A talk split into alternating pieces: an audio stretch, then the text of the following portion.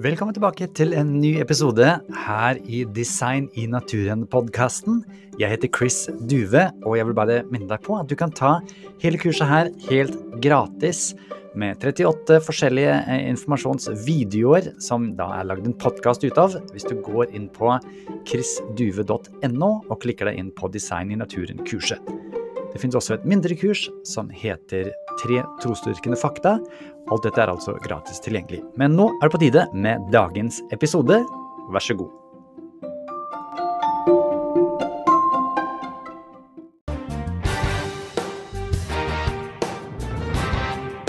Jeg hadde noen eh, skolebokeksempler også som jeg sendte deg eh, på mail.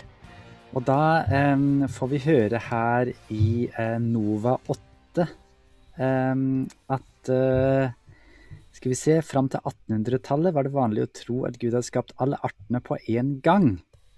En mente at alle ble skapt på samme dag, og ingen hadde forandret seg siden. De kristne trodde at jorda var omtrent 6000 år gammel. En engelsk erkebiskop regnet ut at verden ble skapt i oktober 4004 før Kristus. Det fant han ut i forhold til Gammeltestamentet. Også hvordan det ble vrient når vitenskapen på en måte viste at det var gærent. da. Er det, er det et riktig bilde av, av, hva som skjedde i Europa på den tiden? Altså, det, er, det, er, et veldig uh, forenklet og uh, på mange måter misvisende bilde. Denne biskopen het uh, Usher, og han var faktisk en opplysningstenker. Og Det er først nå han begynner å sette opp og detaljere årstall og tall og sånt på denne måten. Så hans eh, beregninger var jo bare for å få en oversikt over verdenshistorien. Han var veldig opptatt av den romerske republikk i århundrene før Kristus. Han skriver jo mer om den enn han skriver om kristentid. Og det er jo rett og slett uh, sånn at uh, dette da ble tatt inn i noen uh, utgaver av den engelske King James-bibelen. Og så begynte folk mye senere å tolke at dette var riktige årstall, fordi denne biskopen har satt opp dette her sånn med ja, noen skisser i forbindelse med et historieverk han skrev om stort sett sekulær historie. Og Når det gjaldt dette med disse artene som var uh, fikserte, som det heter på fagspråket kanskje, uh, så var det en blanding av en kristen tro og gresk, ofte platonsk idélære. Hvor man satt fast i at det var slik at ting var skapt i en idéverden, og det vi hadde på jorden, var slags avskygninger av disse tingene i idéverdenen. Og siden man i idéverdenen hadde ideelle former, eller idealer, så kunne man jo ikke få store endringer annet enn som uh, lite perfekte varianter av disse idealene som befant seg i denne idéverdenen. Men det var likevel sånn at en rekke kristne tenkere, både i middelalderen og senere, mente at arter og planter, man drev mye med planter, kunne endre seg over, over tid. Og eh, når man så kommer til Darwin rundt 1860, så ser man at f.eks. i USA så var det to sånn toneangivende naturvitere.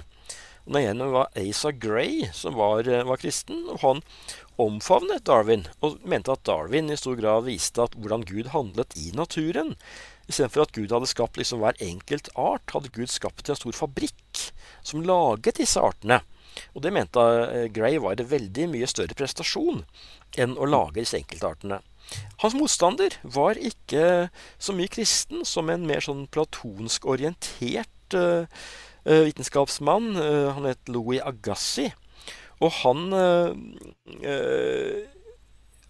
var veldig nølende med å se på evolusjon fordi han mente at dette brøt med nettopp denne idélæren om disse perfekte formene i idéverdenen. Slik at disse to uh, var litt ulike grunner. Han ene mente dette med evolusjon, det støttet hans kristne tro. Han andre avviste det en periode, uh, vel fram til sin død faktisk, uh, fordi at det brøt med hans greske filosofi. Så vil du si at måte ikke bare for kristne, men uansett så er det egentlig viktig å ja, ikke låse seg til gamle bilder og prøve å få de til å passe med ting, men heller å ja, oppdage ting, da. Ja, altså det, det, det, er noe av det som jeg vi nevnte fra forordet til eh, Newtons fysikkbok. Altså at siden Gud nettopp av sin frie vilje kan ha gjort ting i naturen akkurat sånn som Gud vil, samtidig som Gud er lovgiver, så er det altså mulig å finne altså Det er en sånn dobbel tanke her, to tanker i hodet på en gang. Om det finnes lover, lovmessigheter, men samtidig vet vi ikke hva de er.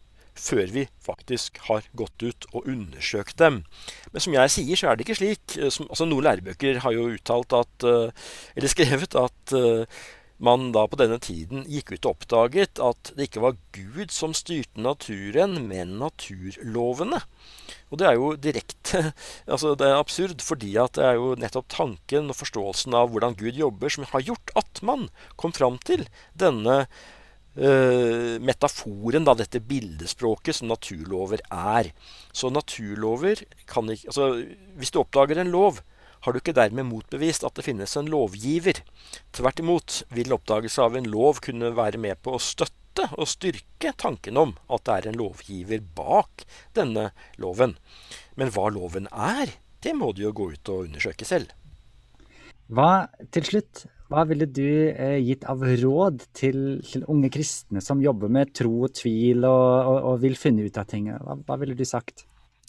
Altså, jeg tror det er veldig viktig å jobbe med å sette seg litt inn i de historiske sammenhengene her. For det er så mye myter om dem, og lett å bli litt nedslått av alt det man hører av rare ting om eh, hva dumme kristne har tenkt og gjort og sagt gjennom eh, århundrene. Og selvfølgelig finnes det jo eksempler på det også. Men det jeg tenker er at hvis man ser på en forsker som Robert Boyle på 1600-tallet Han var en av de store pionerene innenfor kjemien. Og han beskrev jo det å være i laboratoriet og jobbe med eksperimenter innenfor kjemi som en gudstjeneste. Og som han da sa, så passet altså dette best, med andre ord, å gjøre på søndager.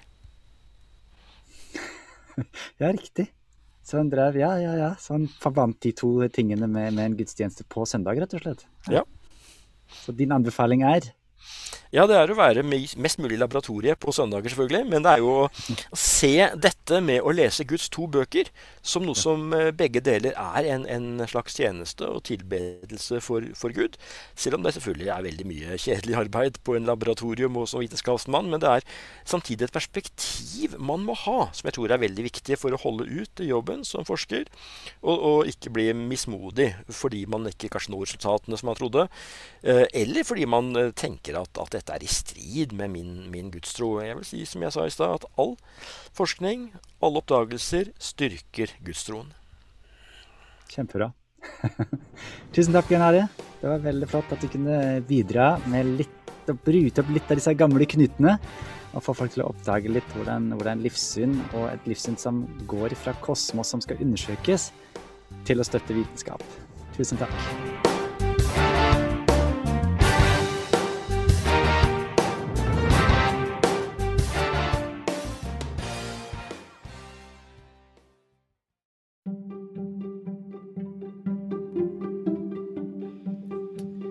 Igjen, dersom du ønsker å få tilgang til de hjelpearkene eller oppgavearkene, så er det jo fullt mulig for deg å signe opp til kurset. Da går det an å laste det ned. Hvis du går inn på chrisduve.no, så ser du all informasjonen der. Dersom du ønsker å støtte denne podkasten og annet arbeid som jeg holder på med, kan du også lese mer om det på chrisduve.no. Takk for nå.